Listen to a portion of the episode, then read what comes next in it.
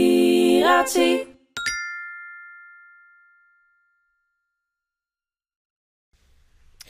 Hallo en welkom bij de achtste aflevering van de Vinspiratie podcast. Ik zit hier vandaag voor de tweede keer met Joshua Stamer. Hallo, Ik eh, kan een heel stuk van de podcast overslaan. kan dat? Je hoeft jezelf niet voor te stellen. Nee, dat hoef ik niet te doen. Ik hoef de eerste je, vraag niet te stellen. als je wil weten wie ik ben, dan moet je maar even naar aflevering 1. Ja, Jos die is iemand die vaker terug zou komen. Dat hoop ik wel. Ik eh, kan heel lekker sparren met Josh altijd. Dat Als klopt. er iemand is waar ik goede gesprekken mee voer, is hij het. Dus ik eh, hoop dat jullie dat ook zo zullen ervaren. Dat onze gesprekken, nou ja, waarde voor jullie teweeg brengen. Dat jullie er iets uit kunnen halen. En mocht dit zo zijn, dat je er iets uithaalt, dat je waarde vindt in ons gesprek, deel hem dan. Dan kan ik blijven groeien, kunnen er meer mensen waarde halen uit de podcast. Iedereen blij. Ja, en eh spar ook met ons, weet je, stuur ons een berichtje. Ja, dat vind ik alleen maar tof. Dan kunnen we er verder over praten met z'n allen. Heb jij een totaal andere mening dan wij?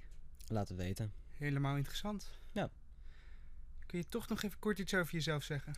Eh, dat kan ik Met zeker. inleiding eh, naar het onderwerp. Ehm, met inleiding naar het onderwerp. Nou, we gaan het hebben over internetcultuur in deze aflevering. En ik heb daar vrij veel ervaring mee. Want ik ben een beetje een internethermit.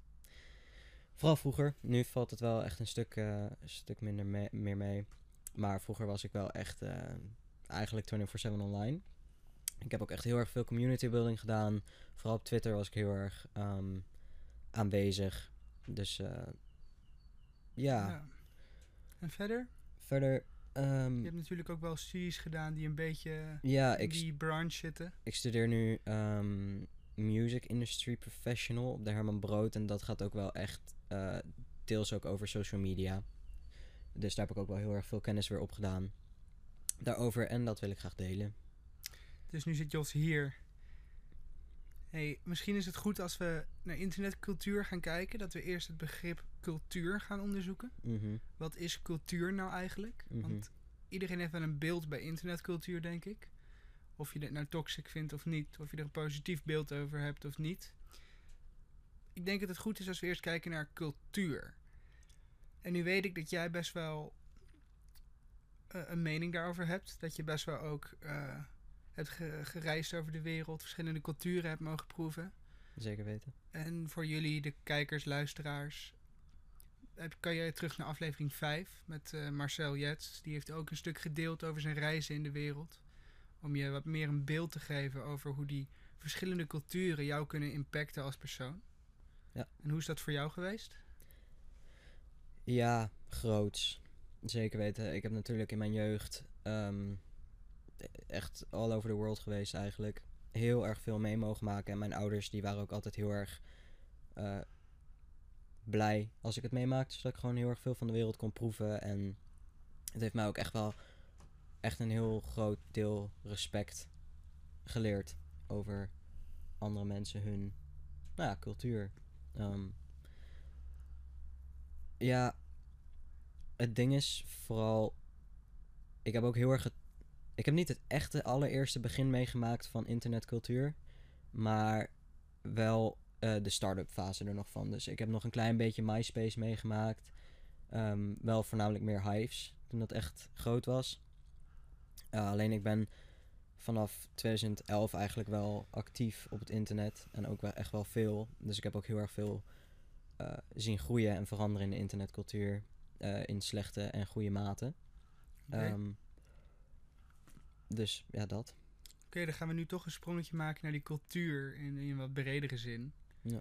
Want ik denk dat iedereen als je over cultuur spreekt, wel weet waar je het over hebt. Maar het is zo'n abstract begrip dat als je iemand zou vragen, ja, wat is cultuur nou eigenlijk? Wat is een cultuur? Dat veel mensen toch met de mond vol tanden staan. Ja, ik ook eigenlijk wel. Ja, ik merk het ook wel een beetje bij mezelf, maar daarom interessant om het te gaan onderzoeken. Ja. En misschien leuk om dat te gaan doen aan de hand van een voorbeeld. Dus we pakken een cultuur waar we allebei bekend mee zijn.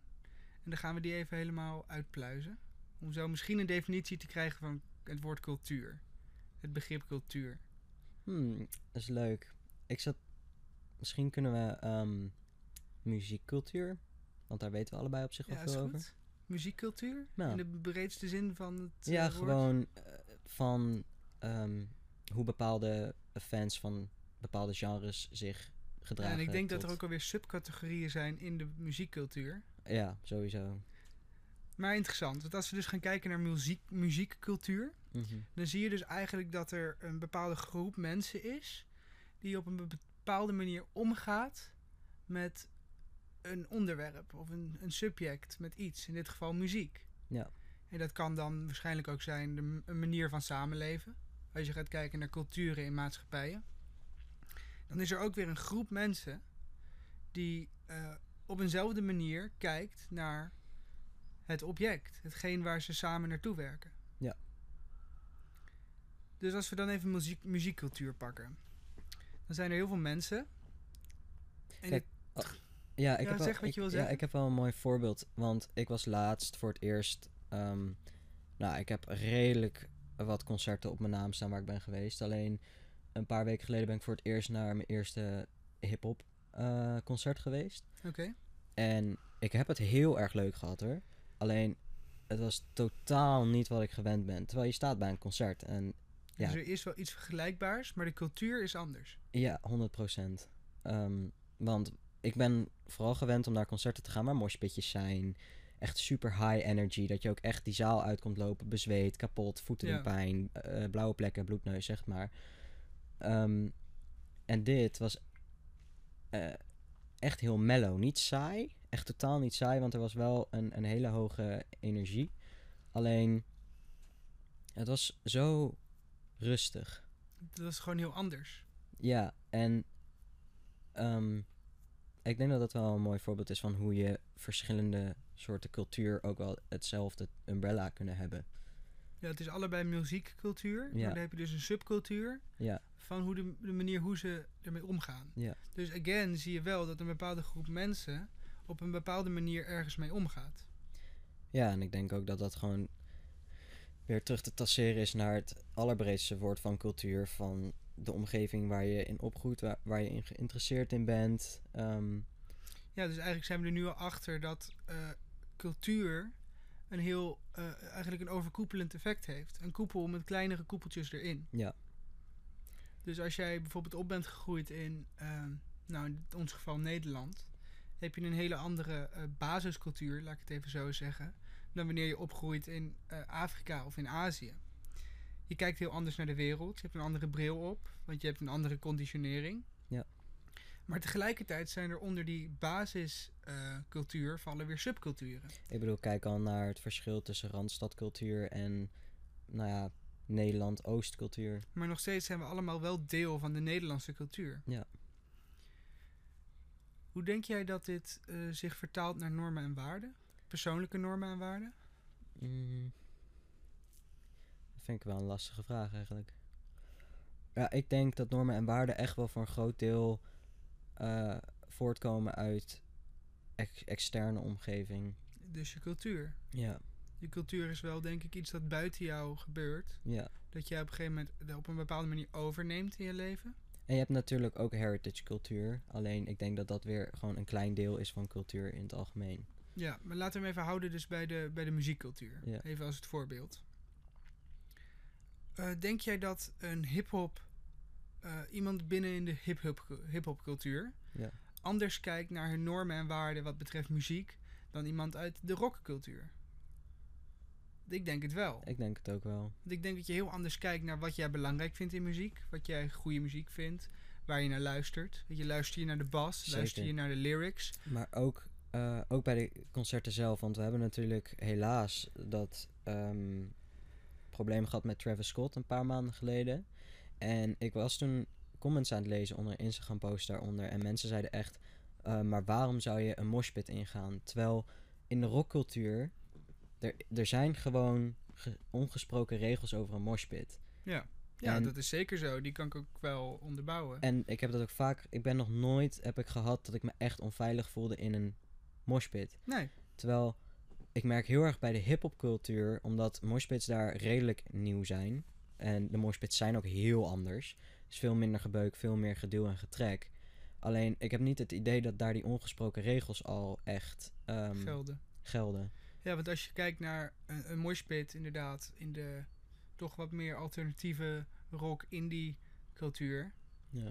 dan heb je gewoon ongesproken regels. Als er iemand valt Dan breekt de moshpit even op. en dan zorg je dat die persoon staat, dan pas ga je door. Ja. Niet schoppen, niet slaan, niet trappen, niet trekken, niet bijten. Er zijn wel bepaalde concerten waar dat wel weer kan.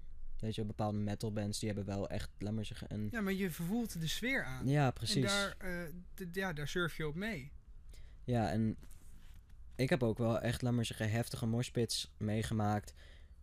Waarin ik me veilig, veilig voelde. Dus het heeft Ja. echt niets te maken met moshpits. Het heeft te maken met de cultuur waar, waar in zo'n zaal. En tegelijkertijd is die cultuur niet iets dat jij bewust leert. Nee. Jij komt ergens mee in aanraking en je neemt het over. Ja. En daarin wil ik wel een sprongetje maken naar de internetcultuur. Want ik zie wel heel erg eh, ja, dat, dat de cancel culture, dus dat is weer een overkoepelend iets binnen een deel van de internetculture, Ja. best wel snel mensen cancelt die ehm, in aanraking komen met andere culturen. Die zij niet vanuit de basis mee hebben gekregen. Ja. En in sommige situaties snap ik dit. Ik durf, te- ik durf ook echt met 100% te zeggen dat een heel groot deel van eh, echt de A-list ehm, eh, muzikanten en acteuren en gewoon beroemde mensen, dat die helemaal niet zo woke zijn als ze zeggen. Maar dat zij echt, eh, eh, echt wel onderdrukt worden door cancel culture daardoor. Dat weet ik vrij zeker inderdaad. Ik denk echt, je kan, je kan mij echt niet vertellen dat iedere, iedere grote artiest en iedere grote ehm, beroemdheid echt zo woke is als ze zeggen. Nee. Want letterlijk hun hele carrière hangt af van een goed beeld. Ja, zodra zij iets zeggen dat niet ehm, binnen het plaatje valt dat ehm, het internet van dit persoon heeft, Ja, worden ze gewoon afgeschreven. Ja. Ze moeten zich altijd binnen de, binnen de kaders bewegen. ja misschien is het dan nu ook wel handig om het misschien heel even te hebben over het verschil in. eh, ja, nee, ik denk misschien is het handig als we het nu gewoon hebben even over wat internetcultuur nou precies Ja, is. ga je gang? Ik ga, ga jou hierop loslaten. Um, basically um, is het internet niks anders dan een soort van alternate universe geworden. ja, Het is echt een hele andere wereld eh, binnen in ons scherm. Ehm, want het is zo makkelijk om een andere identiteit aan te nemen op het internet dan in real life. En dat is denk ik internetcultuur. Is je bent niet jezelf. ja, het is eh, natuurlijk totale vervreemding met de buitenwereld en met jezelf. Ja, Je hebt eigenlijk een, een kans om het volledig opnieuw te doen. je bent een persona. Ja, je, bent, je hoeft niet meer in contact te staan met jezelf. Je Nee. hoeft niet meer open te staan voor het leven in, in de echte wereld, zou ik bijna al tussen aanhalingstekens zetten tegenwoordig. Ah, ik zou het gewoon zeggen. Ehm, maar ja, je, wat, wat ik natuurlijk wel veel heb gezegd, ook in de vorige podcast, is ehm, dat je je hier open moet stellen voor het leven. Het leven is altijd in beweging. En als je echt goed geaard wil zijn, jij wil hier aanwezig zijn, het leven durven ervaren, kunnen ervaren. Dan moet je je ook openstellen voor dat leven. Dan moet je je openstellen voor het lijden, voor de negativiteit, maar ook de ups, de downs, maar daarmee ook de positieve kanten. Op het Ja. internet hoeft dit niet. Nee, en ehm, ik heb gewoon. Kijk, ik begon in 2011 met eh, Twitter. Dat is eigenlijk waar mijn. waar ik geboren werd als internetkind, basically. Daarvoor had ik wel Hives en MySpace, maar ja, ik was nog niet zo chronisch online. Eigenlijk in die tijd. En ik was ook nog gewoon jong. Ehm 2011 was ik ook 11 of 12. Ehm, en ik heb zo'n soort van rare switch meegemaakt in internetcultuur. eh, Die echt heel erg positief is, maar ook super eh, negatief. Want eh, in het begin was Twitter echt wel heel erg eh, community building. Dat heb ik heel erg meegemaakt. Eh, ik was namelijk fan van een YouTuber genaamd Jacksepticeye. En ik zat ook echt in, in die fanbase, om het zo maar even te zeggen. Is ook bijna weer een cultuur op zich. Oh, 100%. Want dat, dat waren ook weer hele andere soort type mensen, online type mensen dan bijvoorbeeld een PewDiePie of zo. Ja. Eh, en daar heb ik heel veel community building voor gedaan. En dat was echt een hele leuke kant van het internet. Totdat, totdat uiteindelijk het zo immens groot werd dat ehm, er kwamen allemaal soort van conspiracy theories en mensen gingen dingen opgraven over eh, bepaalde mensen in de community die echt super oud waren. En daar werd een heel drama over gemaakt. En er, er was uiteindelijk geen ruimte meer om sorry te zeggen en ergens van te leren. Waarin eerst, als iemand iets fout had gedaan, dan werd daar gewoon over gesproken met die persoon. Was er uiteindelijk ineens een switch van: oh, jij hebt tien jaar geleden iets verkeerd gedaan. Dus jij bent nog steeds zo. Ja, op het internet achtervolgen jouw handelingen van vroeger je. Ja, terwijl. eh, Natuurlijk moet je daar wel accountable voor gehouden worden. Alleen. Er is geen ruimte meer om te accepteren dat iemand is veranderd. En zo Nee. niet meer nadenkt en zo niet meer Kijk, doet. dit zit zelfs natuurlijk in ons rechtssysteem. Als een ehm, misdaad, ik weet niet precies het jaartal, maar eh, te lang geleden is gebeurd, ben je niet meer accountable. Dan kun je Mhm. daar niet meer voor veroordeeld worden. Ehm, omdat de rechtbank ervan uitgaat dat mensen veranderen, dat ze verbeteren. Dus als dat persoon in die hele lange tijd niks anders fout heeft gedaan, gaan ze er op een gegeven moment vanuit dat hij is vergeven. Ja. Dat je bent verbeterd. En dit mis ik soms een beetje op de, in de internetcultuur. Oh, ik mis dat heel erg. Het is basically non- non-existent. Laatst was er ook iets waarin, waar ik heel erg van schrok. Ehm, wat was dat ook weer? Ik zag een tweet voorbij komen waarin ehm, iemand had een tweet geplaatst over.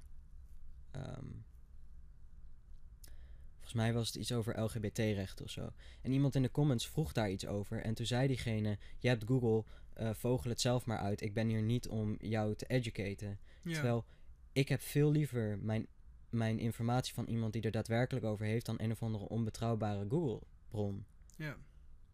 Waarom zeg je als persoon met kennis tegen iemand die er geen kennis van heeft: zoek het zelf maar uit. Met de optie dat iemand dus compleet verkeerde informatie op zijn bord kan krijgen. Maar je moet tegelijkertijd ook alert zijn, want eh, je weet natuurlijk niet dat de informatie die zo'n persoon op Twitter verschaft wel juist is.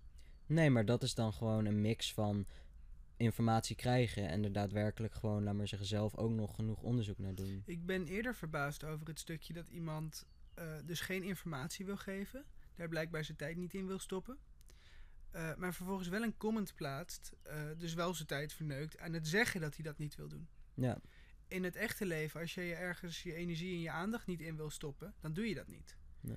En op het internet ehm, zijn we zo gefocust op ja, het, het uiten van wat we vinden, ja. dat we overal op zullen reageren wat we ervan vinden. Dus ik wil geen informatie delen. Ik zal laten weten dat ik geen informatie wil delen. Ja. In het echte leven zou ik dat dan simpelweg gewoon niet doen. En ik denk dat dat ook weer dat stukje is van je kan zo makkelijk achter een scherm schuilen.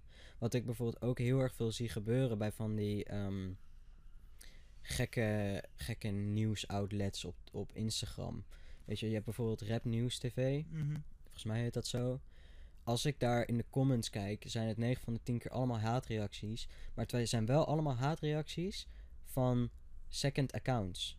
Waar niemand een profielfoto heeft, niemand zijn naam staat erop. En dan Ja. denk ik, als je al iets gaat zeggen, als je al iets gaat zeggen, weet je wel, heb dan de ballen om het gewoon te doen. Ja, je kan je letterlijk verschuilen achter een avatar, achter Ja. een persona. En ik denk dat daar eigenlijk misschien wel de, ehm, de, de grootste fout zit. ehm, de grootste misvatting in eh, de basis van die internetcultuur. Daar is misschien alles wel fout gegaan. Omdat mensen in één keer niet meer accountable hoeven worden gehouden voor wat zij doen. Nee. Want je kan simpelweg een nieuw account aanmaken. Ja, en dat vind ik het grappig, want het moment als je in het publieke oog staat, kan je daar dus accountable voor gehouden worden. Alleen, ik kan je ook nu vertellen dat heel veel van die Twitter-strijders die ik altijd zie, in real life zijn zij echt niet zo heel veel anders dan de eerstvolgende persoon. Nee. Online is het heel makkelijk om te strijden voor dingen. Online kan je zomaar zeggen van ik ben de geweldigste persoon, ik doe nooit iets verkeerd. Ja, je, je Iedereen- tekent letterlijk het perfecte plaatje van jezelf. Ja, En ik denk toch echt wel dat ehm 9 van de 10 mensen weten dat het internet op een bepaalde manier slecht voor je is. In ieder geval in een manier hoe we het gebruiken en hoe het is vormgegeven op bepaalde plekken van het internet. ja. Maar ik denk dat ehm, nog geen 5% van die mensen die dit doorhebben, er ook bewust mee aan, aan de gang gaan dat het slecht voor ze is. En dat het misschien nog wel minder. Er zijn gewoon heel erg weinig mensen die er ook daadwerkelijk op handelen dat zij bewust zijn van het feit dat het internet slecht voor ze is. Ja, dat denk ik ook. Want hoe is dat voor jou geweest? Want jij bent iemand, zoals je zelf zegt, die, die veel op het internet is geweest. Mhm. heel erg bekend is met de internetcultuur. En hoe heb jij dit ehm, in balans gebracht met het leven buiten het internet? Ehm, ik moet toegeven dat ik eigenlijk eh, vrij snel, ook op jonge leeftijd, al wel door had dat internetcultuur redelijk toxic was. En dat kwam ook wel omdat ehm, in die Jacksepticeye groep hadden we het er ook heel erg veel over. Omdat we echt, laat maar een community aan het bouwen waren. En wij moesten daar transparant zijn. Laat maar zeggen, ik moest transparant staan.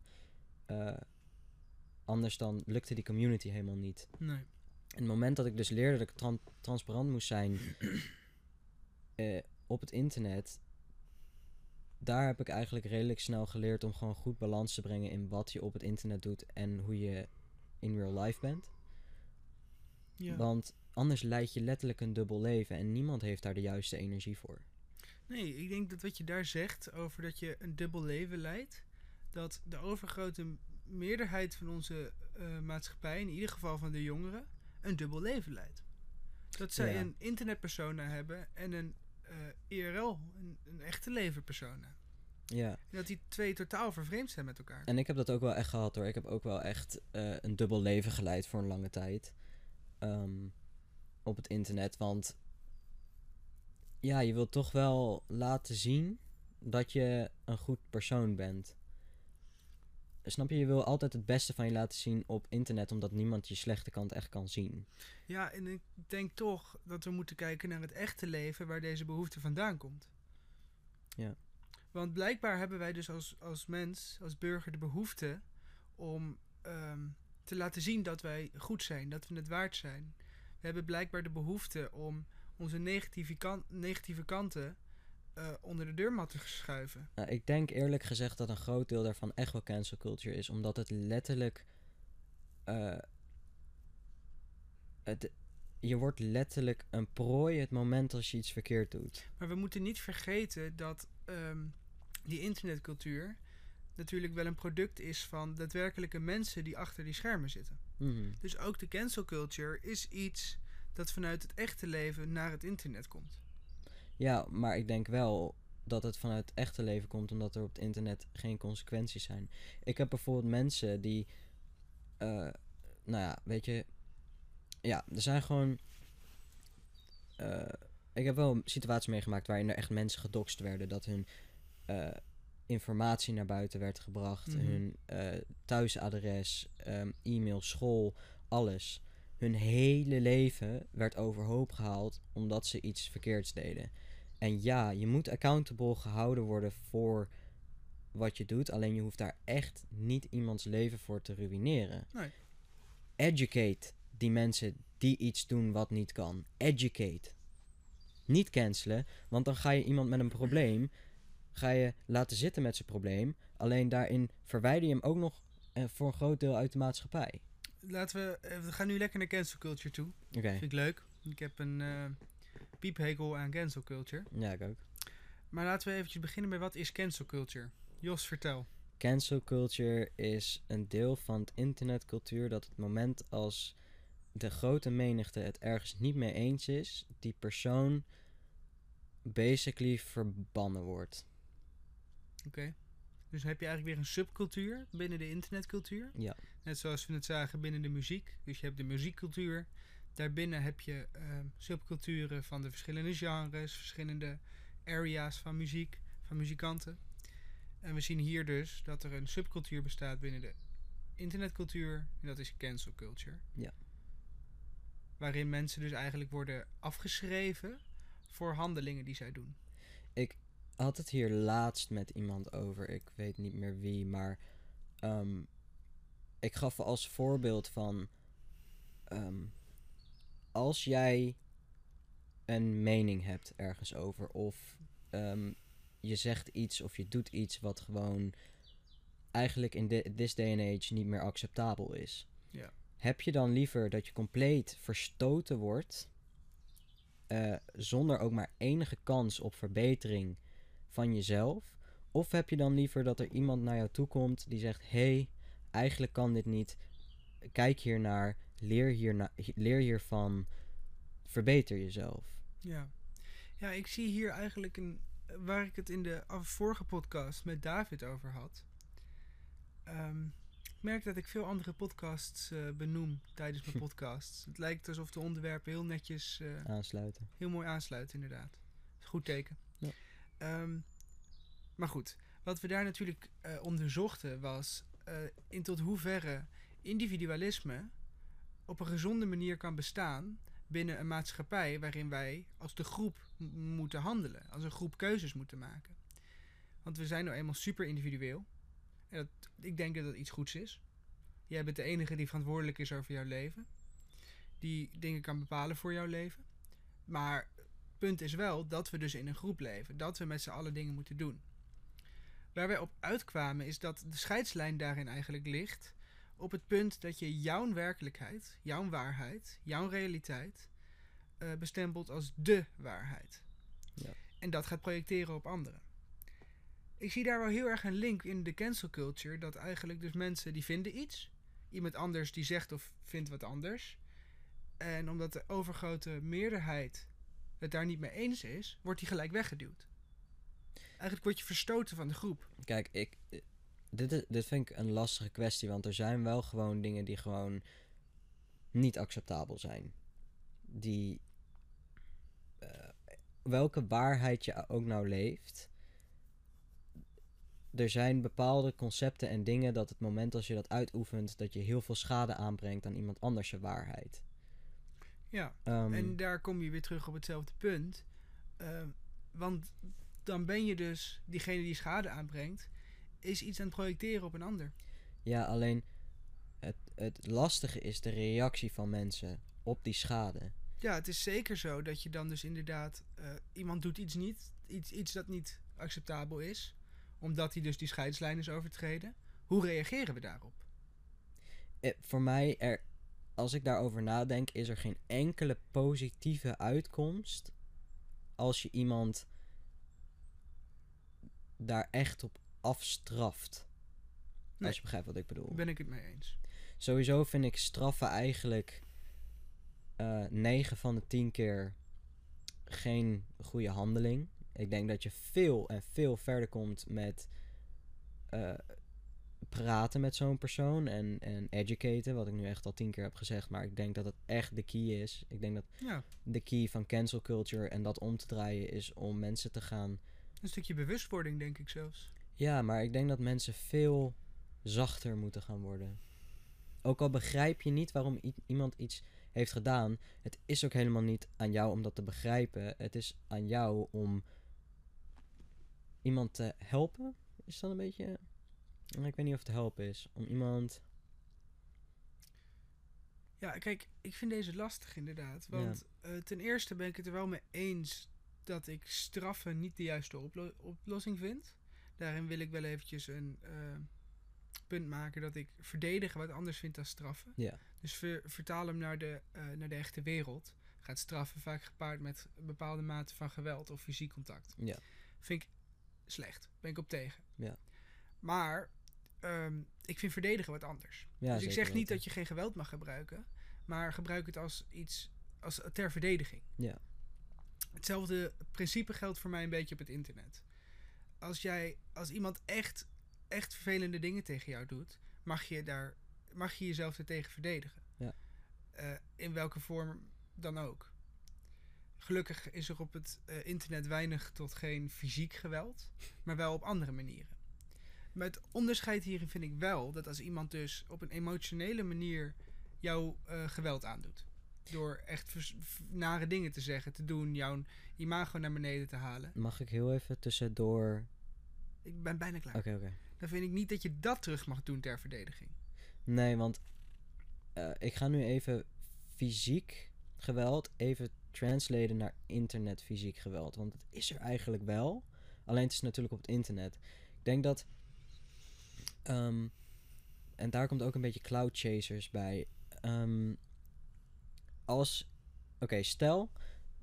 Wij zitten in een gevecht met elkaar. Ja. Ehm, Gewoon een fysiek vuist tot vuist gevecht. ja, hoeft niet eens. Maar wij, wij zitten in een discussie met elkaar over gevecht. eh, of iets in die richting. Eh, dan is het vrij vaak niet zo dat je daar een hele groep bij betrekt. Het gebeurt wel, maar over het algemeen is het we- Dat meestal is iets tussen één. ons, weet je? Op het internet, het moment als iemand iets doet, zie je eigenlijk direct dat het hele internet daarvan moet afweten. Omdat het hele internet dan die persoon kapot kan maken. Ja, en daar zeg je wel wat interessants. Want eh, het is bijna alsof ehm, onze hele generatie, alle jonge mensen, een ongelofelijke behoefte heeft om zich te uiten. Ik denk dat het een beetje een savior complex is. Ja, weet je, we zien met z'n allen dat de wereld gewoon helemaal naar de kloten is. Dat er echt gewoon bijna geen positief nieuws meer bestaat. Dat waar je ook kijkt op het internet, op het nieuws, in je omgeving, alles kan beter. Weet je wel, en iedereen ziet wel iets dat hij beter wil. En iedereen die projecteert dat. Ja, Van- maar niemand kijkt intern wat zij Nee, beter en kunnen dit doen. is inderdaad waar ik naartoe wil. Want ik, ik voel de essentie al wel een beetje. Ehm, want wij vervreemden onszelf als eh, maatschappij, als mensheid, als ras, door met z'n allen op het internet te gaan. Door weg te stappen van onszelf. Weet je, we gaan letterlijk een tweede leven leiden. Omdat het leven hier te confronterend is. Mensen die kunnen niet eens meer, zeg maar, een half uur gewoon voor zich uitkijken en met zichzelf zijn. Je hoort zo vaak mensen zeggen: Ja, ik kan echt niet met alleen en me- met mijn gedachten zijn. Dat hoor ik zoveel mensen zeggen. Dus we kunnen gewoon niet meer met onszelf zijn. En daarom zoeken we die, die, die veilige ruimte op op het internet. Ja. En tegelijkertijd zien we dat alles kut is. We ervaren het in onszelf. We kunnen niet eens meer met onszelf zijn. Dus die negatieve ervaring van de buitenwereld, die projecteren wij vervolgens omdat we er eigenlijk geen verantwoordelijkheid voor durven nemen. Ja. We gaan wijzen naar andere mensen. Ehm, vaak doen we dat op het internet. Ja, of naar de zitten- politiek, of zit waar op- dan ook naartoe. Er zitten op het internet natuurlijk ook geen consequenties aan, Nee. aan vast. Nou ja, jawel. Er zitten wel consequenties aan vast, maar de kans om die te voelen is veel kleiner. Ja, het is veel veiliger. Ja, En ik denk echt dat daar een stukje in zit dat eh, mensen eigenlijk te bang zijn om de verantwoordelijkheid te nemen eh, voor de negativiteit die zij in de echte wereld ervaren. Ja. Dus het projecteren op het internet. dat denk ik ook zeker. En weet je wat het ding is? Kijk, we praten nu heel erg negatief over internetcultuur, maar het heeft ook wel echt hele mooie dingen. En die heb ik ook allemaal mee mogen maken. Kijk, ik ga echt niet zeggen dat internet volledig slecht is. Nee, dat, dat ga ik ook niet zeggen. Kijk, heel leuk. Ik heb net op school een eh, heel blok over ehm, ja, de technocratie gehad. En het posthumanisme. Dus dat is heel erg met eh, robots, chips, weet je, de filosofie daarvan. Meta, basically. Ja, en ehm, is dat ethisch of niet? Ehm, en waar ik wel tot een conclusie ben gekomen voor mezelf, is dat ik de technologische ontwikkelingen op zich, dus van robots tot chips, tot het internet, tot ehm, zeg maar prostheses, weet je wel, eh cyborg maken van mensen, vind ik in principe niet slecht in de essentie. Het gaat me echt om de manier hoe we ermee omgaan. En datzelfde heb ik met het internet. Ja. Het internet op zich is geweldig, want het geeft ons de kans, ons de mogelijkheid als mensen om te verbinden met elkaar. Om mensen eh, veel sneller te kunnen contacteren. Informatie is veel beter beschikbaar voor iedereen. Maar de manier hoe we ermee omgaan, is voor mij nog wel te bevragen. Ja, en ik, eh, als we het nu hebben over internet-ethiek. Er was een paar jaar geleden was er een heel groot ding gaande over ehm, familievloggers. Ja. Want dat is hun werk. Alleen als kind mag je niet werken. Maar het moment als jij actief mee moet doen in die familievlogs als kind, ben je eigenlijk aan het werk. Want je bent geld aan het verdienen. Dat zeker. En daarbovenop kun je zelfs nog de vraag stellen of het ethisch is van die ouders om de kinderen op het internet te zetten. Ja, nou ja, ik voor mezelf vind dat niet. Ik ook dat niet. is mijn mening. Ehm, maar dat is alleen nog maar één klein stukje. Ik bedoel, kijk naar. ehm, Oké, ik ga heel even terug naar 2012, toen Tumblr een van de grootste ehm, ja, social media sites was op dat moment. Eh, Tumblr was één grote eh, pot soep van depressieve mensen. Mensen met. ehm, ja, hoe noem je dat? Ehm, ja, Zat- artistieke mensen. artist, ja, artistieke mensen.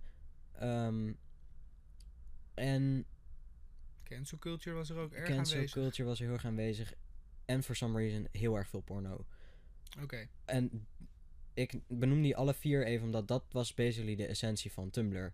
Maar ik was 12. Ja. En ik raakte in contact met alle vier die elementen op mijn twaalfde. Zonder dat er ook maar. Eh, kijk, mijn ouders vertrouwden mij op het internet en ik ben eigenlijk eh, voor 90% heel erg veilig op het internet geweest. Ja. Mm, 85%. maar 70. ja, 70. Ah, ergens, ergens tussen, die, eh, tussen die getallen. Maar om als 12-jarige tijdens de lunch op school door Tumblr te scrollen en echt de heftigste foto's te zien, heftige video's. ehm, en dat is alleen nog maar Tumblr. Laat staan Twitter. Daar, zou- daar heb ik op mijn 12e, 13e heb ik mensen onthoofd zien worden en ik, ik keek er niet eens naar om. Nee. En hier again, wat we niet moeten vergeten is dat het internet ehm, los lijkt te staan van onze daadwerkelijke wereld. Ehm, maar in essentie is het natuurlijk een product van daadwerkelijke mensen. Ja, Dus alles dat je op het internet ziet, is wel afkomstig ehm, vanuit onze de, fysieke wereld, vanuit de echte realiteit. Het is eigenlijk een afschildering van de problematiek die hier in de wereld zich nu afspeelt. misschien moet je weer... ik dacht ik laat hem even, dan kan je dat knippen.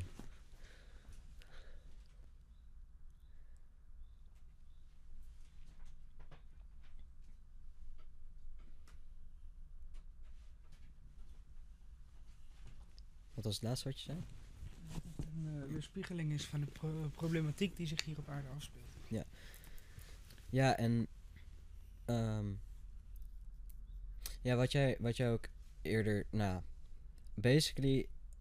Ja, wat jij ook eerder zei, is de manier hoe op. Ik denk, ik denk echt dat het super ongezond is dat er geen regels zijn over wat wel en niet op het internet kan. En dan bedoel ik niet in censuur. Nou, misschien ja, het eigenlijk wel. Ik denk dat er echt wel dingen zijn die je beter gewoon niet op het internet kan plaatsen. Zoals bijvoorbeeld, ehm, of in ieder geval niet makkelijk te bereiken is voor jonge mensen. Zoals bijvoorbeeld, eh, mm, ja, ja, zoals bijvoorbeeld porno. Want het porno is totaal niet de realiteit. Nee, 100, nee. Ehm, klopt. Maar ik denk ook, als ik eventjes eh, over mijn Tumblr-ervaring kan spreken. Ik heb regelmatig zeg maar, foto's gezien van mensen die zichzelf hadden opengesneden. Ja, ik ook. En dat dan aesthetically op Tumblr zetten. Ja, geromantiseerd. Echt heel erg geromantiseerd. En ik ben een hele tijd heel depressief geweest. En dit was de indruk die ik kreeg. Van, oh, ik ben depressief, ik voel me niet fijn. En mensen die romantiseren dat op Tumblr. Ehm, Dat is ook weer een stuk cultuur, denk ik. Gewoon- ja, zeker. Maar ik denk daarin ook een negatieve cultuur. ja. Want het zijn dus een hele groep mensen die heel depressief zijn. En eigenlijk daar de verantwoordelijkheid niet over willen nemen. nee. Ze, ehm, ze projecteren dus hun, hun negativiteit op het internet. Weet je, daar, dat is hun uitlaatklep. Op zich goed, weet je, afijn dat ze een uitlaatklep hebben. Ehm, maar het feit dat dus kinderen of jonge tieners, in mijn geval rond 14, 15 jaar oud, dat gaan zien in een geromantiseerde vorm. Daardoor dat, ehm, ja, als een bepaald een voorbeeld wil ik niet zeggen, maar ik, ik, ik had eerder nooit gedacht aan snijden, weet je wel? Nee. En op een gegeven moment zie je dat dan op het internet van mensen die zich hetzelfde voelen als jij. En dan begin je dus te denken dat het erbij hoort. Ja, En zo wordt die wereld, die dus eigenlijk een projectie is van de, van de realiteit, van hoe wij ons dus eigenlijk innerlijk voelen, eh, in één keer een cirkel. Want in één keer ga ik uit die eh, virtuele wereld, die is voortgekomen uit eh, de fysieke wereld, ga ik in één keer dingen halen die ik vervolgens in mijn fysieke leven ga toepassen, zonder consequenties. zonder consequenties. Behalve voor jezelf. En als ik in het echt iemand had gezien die zich had gesneden, denk ik dat, er, dat het heel anders was verlopen. Ja, ik bedoel, ehm, Dan is het namelijk heel moeilijk te romantiseren. ja. Maar dat is het ding. Kijk, ik denk wel dat er consequenties moeten zijn voor wat je op het internet plaatst. Ik denk alleen dat cancel culture en censuur niet de juiste vormen daar Nee, dat, daar ben ik het volledig mee eens. Want ik weet ook nog wel. Maar again, dan kom je weer terug op het stukje. eh, het gaat erom hoe we ermee omgaan. Ja. En dat is een stukje. ehm, ja, moraal dat wij als mensen misschien moeten kweken. Nou, ik denk eerlijk gezegd dat het aan opvoeding ligt. Kijk, het is natuurlijk wel zo. Mijn ouders zijn niet met het internet opgegroeid. Zij hadden geen idee hoe ze mij moesten opvoeden met het internet. Maar Ja. dat is het probleem. Ik kon free range op het internet. Ja, maar tegelijkertijd. Al heb je nu ouders die hun kinderen opvoeden omdat zij. En, en zij zijn wel bekend met het internet. Zodra je iemand toegeeft, toegang geeft tot het internet. heb je er eigenlijk geen controle meer over als ouder. Nee, maar je kan iemand wel educaten over het internet en wat je er kan vinden. Ja, Als, als mijn ouders mij hadden verteld: hey, als jij echt heel erg veel op Twitter gaat zitten, dan ga je hele nare dingen zien. Ja. Dan vraag ik me echt af. En als zij mij ook gewoon. Kijk, dit is even een hele kleine versie van wat ze me hadden kunnen vertellen. hè. Ik had me dan wel afgevraagd of ik echt bepaalde richtingen en keuzes had gemaakt op het internet. Kijk, het is natuurlijk lastig terug te denken. Ja, Maar als je het gaat vergelijken met andere dingen. Eh, Kijk, vergelijk het bijvoorbeeld even met alcohol. ja. Jij wordt door je ouders verteld dat je dat niet mag doen. Eh, uiteindelijk eh, ga je het toch doen. Want, we weten allemaal hoe dat gaat. Op een gegeven moment ben je 15, 16, misschien wat jonger. En je gaat het toch uitproberen. Maar dit zorgt er wel voor dat je er misschien wat voorzichtiger mee bent. ja, ik denk dat ik hem nog iets verder ga trekken naar mijn eigen ervaring daarin. Want mijn ouders hebben mij nooit verteld dat ik het niet mocht doen. Ja. Maar ze hebben me altijd gezegd, als je het doet... eh, nou ja, ten eerste ben ik heel erg veel... hebben mijn ouders me echt heel erg veel geleerd over drank en drugs. Omdat, nou ja, vanuit eigen ervaringen en gewoon omdat ze mij veilig wilden houden. Maar ze hebben me nooit gezegd dat ik het niet mocht doen. Als ik het deed, dan wilden ze het weten en dan moest het thuis. Ja, dat, Dat- is precies hoe het bij mij ook is gegaan. en dat heeft ervoor gezorgd dat ik totaal geen interesse heb in drugs of me elk weekend eigenlijk helemaal lam zuipen. Omdat Nee. ik hoefde die stress niet te ervaren. Er zat geen adrenalinekick aan. Omdat het mocht toch wel. En dit is inderdaad waar ik zelf ook naartoe wilde. Als je als ouder eh, niet per se de controle neemt, zo van dit is hoe het moet, dit is wat je wel mag doen en niet mag doen, dan gaat een kind zich daarvan losmaken. Ja. Als jij gewoon educate, inderdaad, als je iemand gewoon laat zien hoe het zit en ehm, de keuzes van het kind accepteert. Dus kind wil drugs gebruiken, oké, jouw keus, maar doe het dan thuis zodat ik het kan zien. Maar neem dan, neem dan even dat educaten ook weer terug naar cancel culture. Stel, jij bent het kind en je drugs is het internet. Weet je, educate. Educate, educate, educate. Dat is echt... 100%. Het is inderdaad wat ik zeg. We moeten gewoon met z'n allen anders naar het internet gaan kijken. We moeten er anders mee omgaan.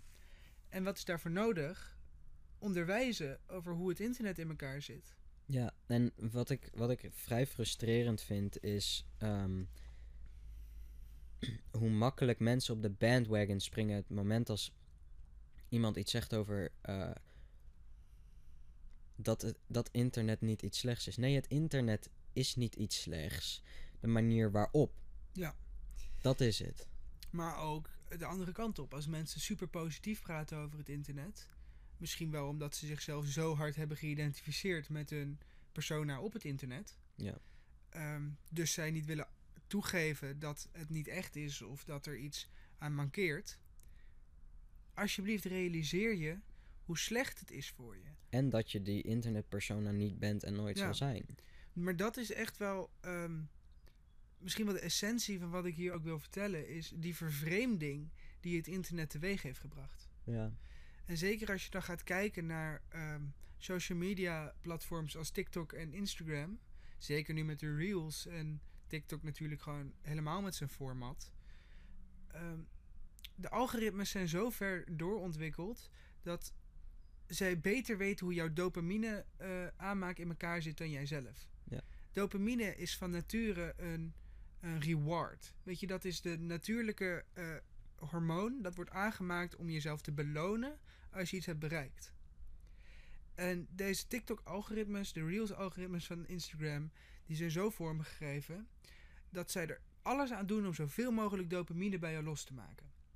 Wat gebeurt er als je heel veel dopamine binnenkrijgt? Dus Eh, eh, dopamine is ook een verslaving, hè? Ja, maar iedereen, bijna iedereen is dopamine verslaafd. Ja. Want je bent in één keer verzadigd.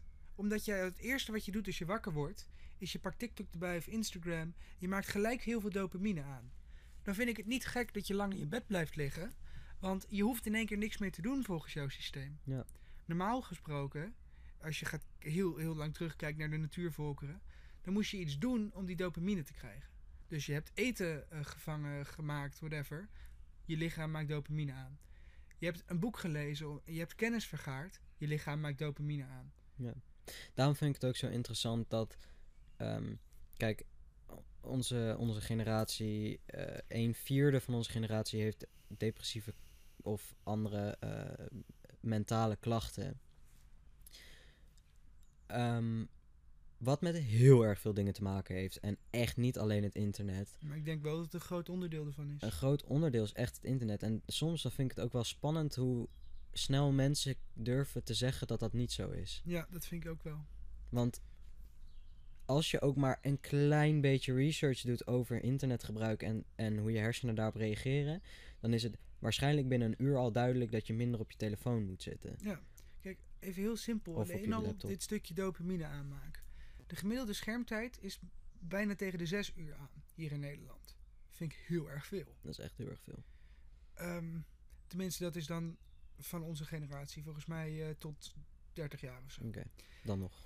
Ik weet niet of ik precies correct zit, maar het was iets in deze, deze richting. Eh, please cancel mij niet als ik het eh, fout heb. Ehm, dit is wat er in mijn geheugen zit. Ja. Ehm, maar dus als jij zes uur per dag heel erg veel dopamine aanmaakt, vind ik het niet gek dat je je depressief gaat voelen op het moment dat je niet op het internet zit. Want jouw lichaam is gewend geraakt aan zulke hoge doseringen van dat ehm, reward goedje. Dat, dat beloning, een beloning is altijd iets goeds. Kijk, als je heel veel suiker eet, dan word je er ook verslaafd aan, want het is ongelooflijk lekker. Dopamine is ongelooflijk lekker. Dat geeft je een goed gevoel. Dus op het moment dat jij dus niet meer zulke hoge dopamine aanmaak hebt, tuurlijk ga je je dan minder goed voelen. Ja, tot op het punt dat je lichaam weer gewend is aan lagere doseringen. Precies. En ik denk dat daar gewoon een drempel ligt voor mensen. Ik denk dat mensen heel erg lastig dat internet los kunnen laten omdat ze denken dat ze zoveel dopamine nodig hebben. Terwijl, Ja, ik denk dat ze dat onbewust denken. ja, natuurlijk onbewust, niet eens bewust, maar onbewust denken ze zoveel nodig te hebben. Terwijl, eh, ik heb, kijk, vroeger was ik echt een internethermit. Ik heb echt een tijd gehad dat ik 12 uur per dag op mijn telefoon zat en dat echt voor twee jaar lang of zo. Ja. Dat is echt insane. Maar het is ook gewoon een verslaving, Ja, die en dopamine. ik heb echt wel lang gedaan over mijn internet detox. Omdat van 12 uur nu terug naar ongeveer 2, max 3 uur per dag. Ehm, dat duurt wel even. Ja, dat En geloof ik ik. denk dat mensen daar heel erg iffy over zijn, omdat het ook gewoon zo lang duurt. Ja, maar ik vind het wel lastig. Ja. Mensen die houden er echt heel erg aan vast. Uiteindelijk zal het leven zich nergens anders afspelen dan hier in real life. En dat mogen we echt niet vergeten. Nee. En dat klinkt misschien heel erg spiritueel, maar als morgen het internet ineens eruit uitknikkert, eh, ja, het echte leven blijft wel bestaan. Ja. ja, ik vind het ook wel leuk, want eh, virt- virtueel ehm, en fysiek zijn twee woorden die al veel langer bestaan dan het internet. Ja. Fysiek, dat zullen de meeste mensen snappen. Maar virtueel bestond ook al voordat het internet bestond, voordat technologie bestond. Het is een best wel veel gebruikt woord in, in de filosofie. Waar het eigenlijk zoiets betekent als ehm, een, een schijnrealiteit. Weet je, het, ehm, het is niet zozeer het geestelijke of het, het onfysieke. Maar het is echt, ehm, als je de Matrix neemt, weet je wel, de Matrix is bijna hetzelfde als, als ehm, virtueel. Als je het gewoon Ja, gaat bekijken op, op, op begripsniveau. En als je het op die manier alleen al dus bekijkt dat wij het internet een virtuele wereld noemen, dus een matrix-wereld, vind ik het best wel ehm, alarmerend hoe erg wij ons identificeren met wat er op het internet gebeurt. Ja, maar ik denk omdat dat komt omdat iedereen daar de persona is die ze in real life zouden willen zijn. Ja, dus eigenlijk moeten we ehm, met z'n allen gaan realiseren dat we dus echt wel het pad naar binnen moeten gaan maken. Ja, en dat is natuurlijk gewoon heel erg lastig als er geen binnen is in een internetcultuur. Nee, maar ik denk gewoon naar binnen bij jezelf. Ja, tuurlijk. Alleen als je zo, als je zo in de klauwen van het internetcultuur zit, dan is die, dat, dat stukje pad naar binnen, dat, dat ligt ver. Dat heb ik zelf ook meegemaakt, dat ligt heel ver. Het is echt niet unattainable, het is hartstikke unattainable. Zeker weten. Ehm, Maar ik denk wel dat het noodzakelijk is om die internetverslaving, die vervreemding met jezelf, eh, te overwinnen. Om daaruit te komen. ja, vervreemding met jezelf, maar ik denk ook vervreemding met de realiteit. Want, ja, 100%. Ehm, wat ik ook al eerder zei, de manier hoe ik. Ik heb heel erg veel internetvrienden gehad. Eh, ik heb er nu nog maar een handjevol, omdat ik eigenlijk doorhad. Al deze mensen zijn niet wie ze zeggen. Nee. Er zijn maar, volgens mij heb ik er maar drie overgehouden waarvan ik die ook echt nu ehm, gewoon in het echte leven ook ken. Eh, Ik denk dat ongeveer 99% van de mensen die zich eh, op internet echt portrayen, zijn niet zoals ze in het echt zijn. Nee, maar heel eerlijk. Ehm, tot, tot voor kort. Weet je, ik ben nu natuurlijk wat, wat actiever op social media. Omdat ik begonnen ben met de podcast. En ik wil toch een beetje ehm, een, een branding naar buiten brengen.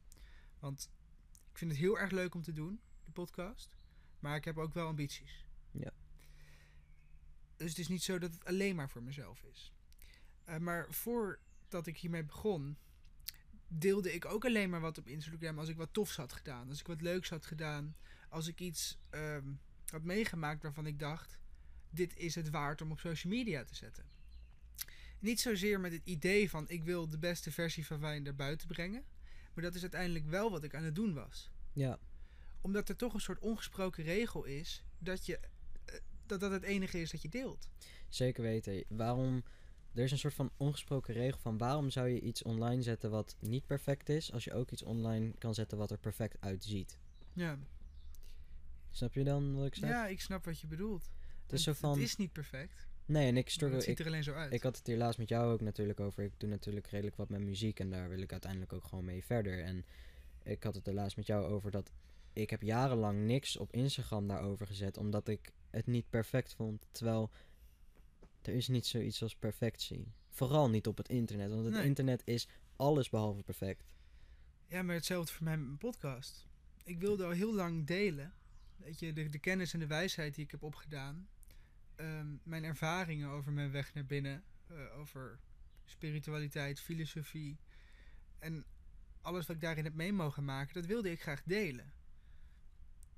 Maar ja, ben ik het wel waard? Willen mensen wel naar mij luisteren? Ja, Dus wat doe je? Je gaat gewoon het perfecte plaatje blijven schilderen.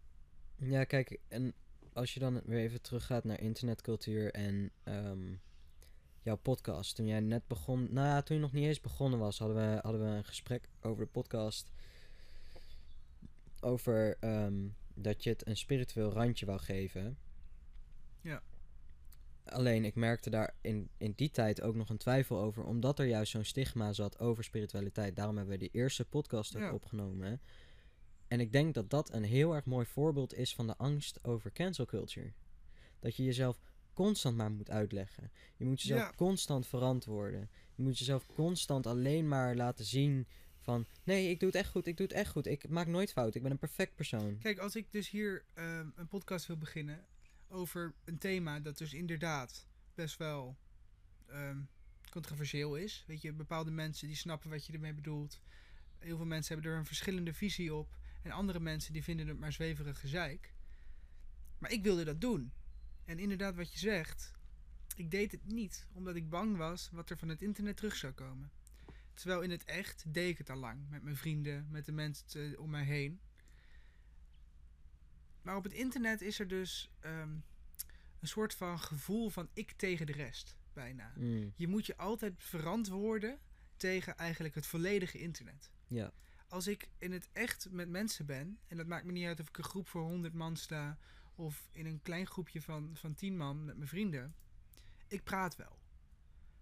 En dat vind ik echt geen probleem. Ik kan Plus- echt goed voor een groep praten. plus dat is het verschil van internet in real life. Als je voor een groep van 100 man staat, dan vraagt iemand jou om te verantwoorden, waarin op het internet demand je. Ja. Je demand dat iemand zich verantwoordt, waarin voor een groep gaat iemand echt niet tegen jou zeggen, hé, hey, verantwoord je eens. Dan zeg, meestal vragen ze iets waardoor je jezelf kan verantwoorden. Ja, Maar Dat- is een vraag. dan, dan, ko- dan komt er interactie, dan komt er verbinding. Ja, terwijl Je gaat elkaar proberen te begrijpen. ook bijvoorbeeld op TikTok. eh, ik ben. eh, ik, zeg, ja, ik hou van paarden, dat zeg ik nu even. Eh, en ik zit heel erg een beetje op die paarden TikTok. En het is echt super toxic. Echt een van de meest toxic communities die er is.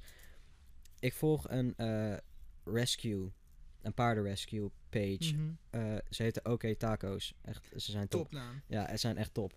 Ehm, zij halen letterlijk paarden vanuit de, de, de killpen. Dat is in Amerika's eh, de plek waar ze geveld worden voordat ze eigenlijk naar de slacht gaan. Ja, lekker dan. Ehm, en zij redden dan die dieren. En dan zijn er mensen die bijvoorbeeld zeggen van... ehm, je hebt het halster niet goed om. Terwijl dan denk ik... Zij hebben dat halster niet omgedaan. Je weet niet wat het verhaal is van dat paard. Je zit een clip te kijken van vijf seconden en je denkt echt alles te weten. En dat is denk ik ook wel... ehm, Misschien, misschien is dat paard hoofdschuw en komen ze niet eens met hun handen bij dat halster. nee, en dit is echt... ehm, ja, dit stukje wijsheid, dat leef ik. Dat wil ik echt naar iedereen uitdragen. Dat vind ik echt heel belangrijk. En ik weet van jou dat dat ook zo is. Maar wij mensen moeten echt gaan leren om vanuit een neutrale positie te gaan handelen. 100%. om te, toe te durven geven dat je het niet weet. Ja. Wij durven niet te zeggen, ik weet het niet. We doen alsof we overal wat over weten. We doen alsof we het altijd beter weten. Terwijl als jij vanuit een neutrale positie handelt, als je gewoon eerst kijkt wat is hier aan de hand, wat speelt er, eh, wat denk ik te weten, wat denkt de andere persoon te weten. Als je gewoon eerst even observeert. Ja, en ik denk zelfs, al bijvoorbeeld op het internet, ik denk dat het moment als jij niet in contact staat met die mensen, reageer gewoon niet. Je weet Nee. het niet.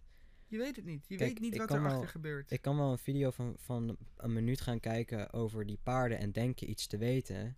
Alleen een dag heeft 24 uur, een week heeft 7 dagen en ik zie maar 5 minuten van hun hele leven. Mhm. Maximaal. Nou, snap je? Ik kan wel dingen zien gebeuren, maar ik sta niet in contact met die mensen. Zij gaan mij nooit herinneren. Ik ga hun waarschijnlijk over een week ook niet meer herinneren. Dan is het het niet waard om te reageren. Precies. En vraag jezelf gewoon af of het binnen jouw invloedssfeer ligt. Is het Ja. aan jou om, om hier verandering in teweeg te brengen? Is het aan jou om die verantwoordelijkheid op je te nemen? En als dat een TikTok is die je voorbij ziet komen, denk ik dat het 100% van de, van de keren is dat het niet het geval is. Kijk, waarom zou je, waarom zou je iets proberen te, te beïnvloeden mijlenver weg als je je eigen directe in real life omgeving niet eens recht hebt zitten? Ja. Ja, dat vind ik een goede vraag. En recht, dat bedoel ik niet eh, totaal kloppend of zo, alleen iedereen heeft wel dingen in zijn om- directe omgeving, gewoon in het echte leven, waar nog echt verandering in ge- gebracht mag worden. En ik vind het eigenlijk al heel naar dat we het echte leven moeten zeggen. Ja. Het is gewoon het leven. Hier, dit, de fysieke realm, dat is het leven. Daar op het internet, dat is het leven niet. We zouden dat onderscheid eigenlijk niet eens mo- te- moeten maken.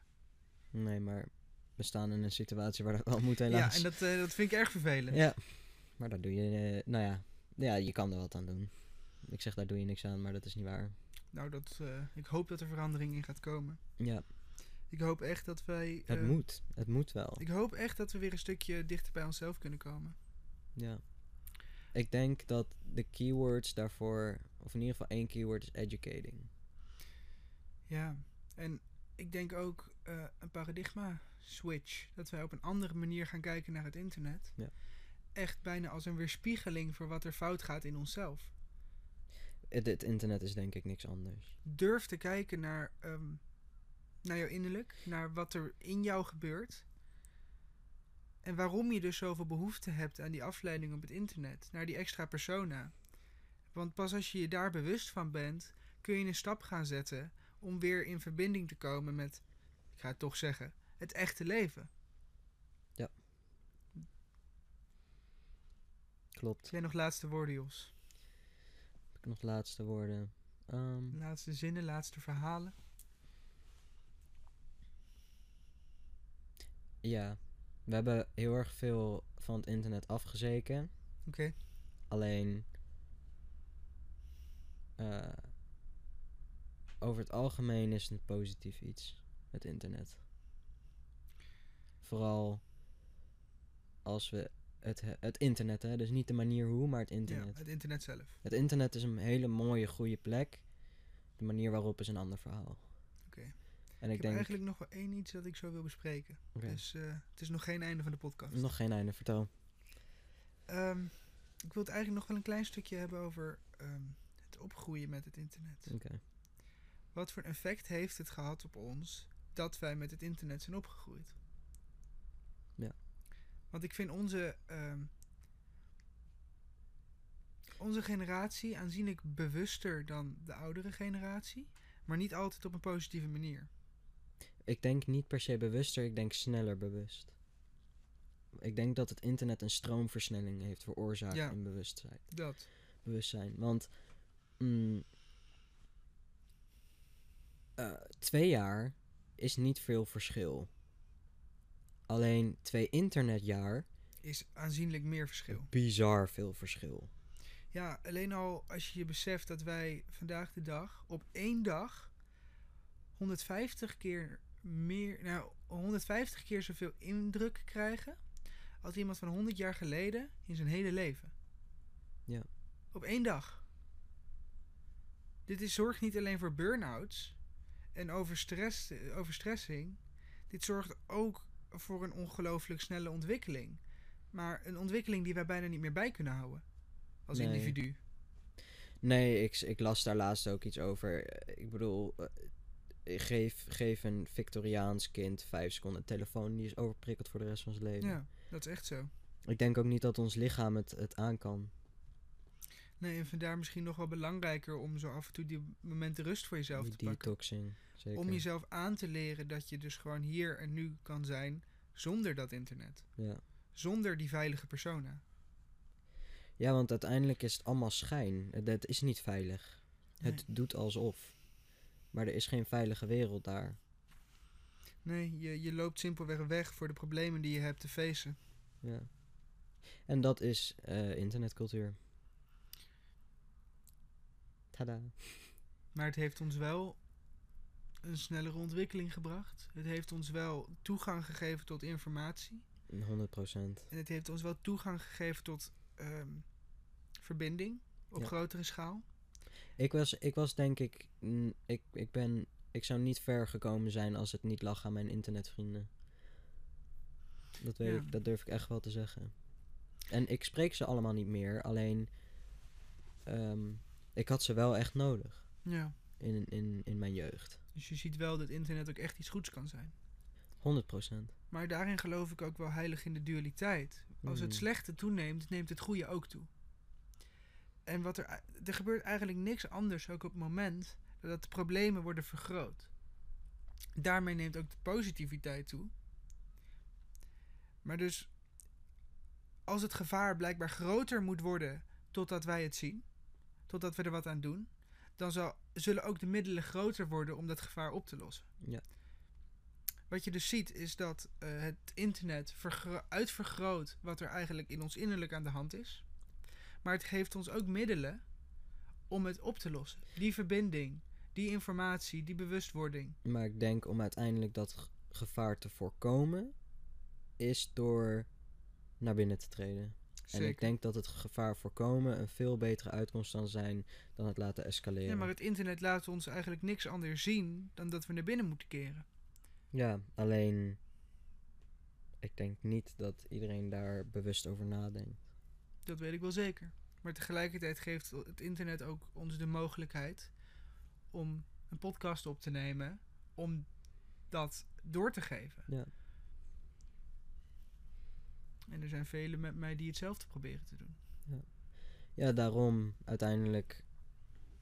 ehm, ik denk dat het internet je brengt wat je erin stopt. Ja. Kun Als je jij, toelichten? ehm, ja, dat kan ik denk ik wel. Ik denk als jij ehm, bewust naar het internet gaat kijken en bewust naar jezelf en je gedrag op het internet, ik denk dat je dan een positievere online en offline wereld voor jezelf creëert dan dat je het internet je laat gebruiken omdat je het internet gebruikt. Ja, daar maak je wel een mooi onderscheid. Laat je het internet jou gebruiken of gebruik je het internet? Ja. Dat wil ik meegeven. Laat het internet je niet gebruiken. Ehm, ik denk dat dat wel. eh, Ja, mooi. ja. Heb jij nog iets eh, mee te geven naast deze mooie one-liner? Je hebt de vorige podcast ook afgerond met een one-liner. Ja. Eh, ehm, struggle je met internetgebruik? ehm, dan raad ik aan om een appblokker op je telefoon te installeren. Want dat is voor mij de eerste stap en dat heeft mij wel veel gebracht. Dus als je na deze podcast denkt: shit, ik moet hier wat aan doen. eh, het enige wat je dan kan doen is het daadwerkelijk doen. En app, appblokkers zijn daar echt een hele handige tool voor. Oké. Ik zette bijvoorbeeld gewoon al mijn apps uit van eh 9 uur 's ochtends tot 6 uur 's avonds. Ik Behalve merk het bij mezelf, als ik dat doe, dat je dan toch heel snel, ehm, als hij dan zegt, ja, hij is afgesloten, gewoon naar je instellingen gaat en zegt, doe toch maar weer aan.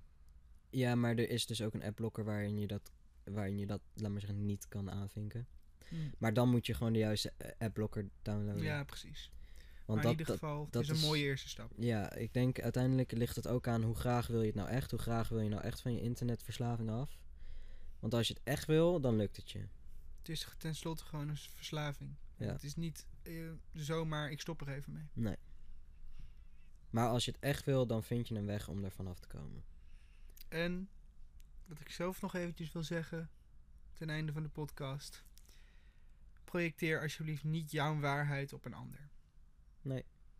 Die cancel culture eh, is een heel mooi voorbeeld van mensen die dit wel doen. Zij vinden iets en dat is waarheid. Maar laat mensen in hun waarde. En eh, als jouw waarheid niet overeenkomt met de andere persoon hun waarheid, dan educate je ze en meer kan je niet doen. Wijze woorden met Jos. Ja, hey, ik ga jou bedanken. ik ga jou bedanken Ehm, voor het fijne gesprek. mooi. Nou, bij, deze dankjewel.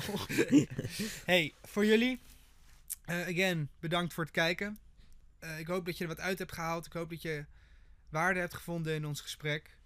En eh, ik zeg, wij doen het eruit. Tot de volgende keer. Eh, tot de volgende keer. Inspiratie.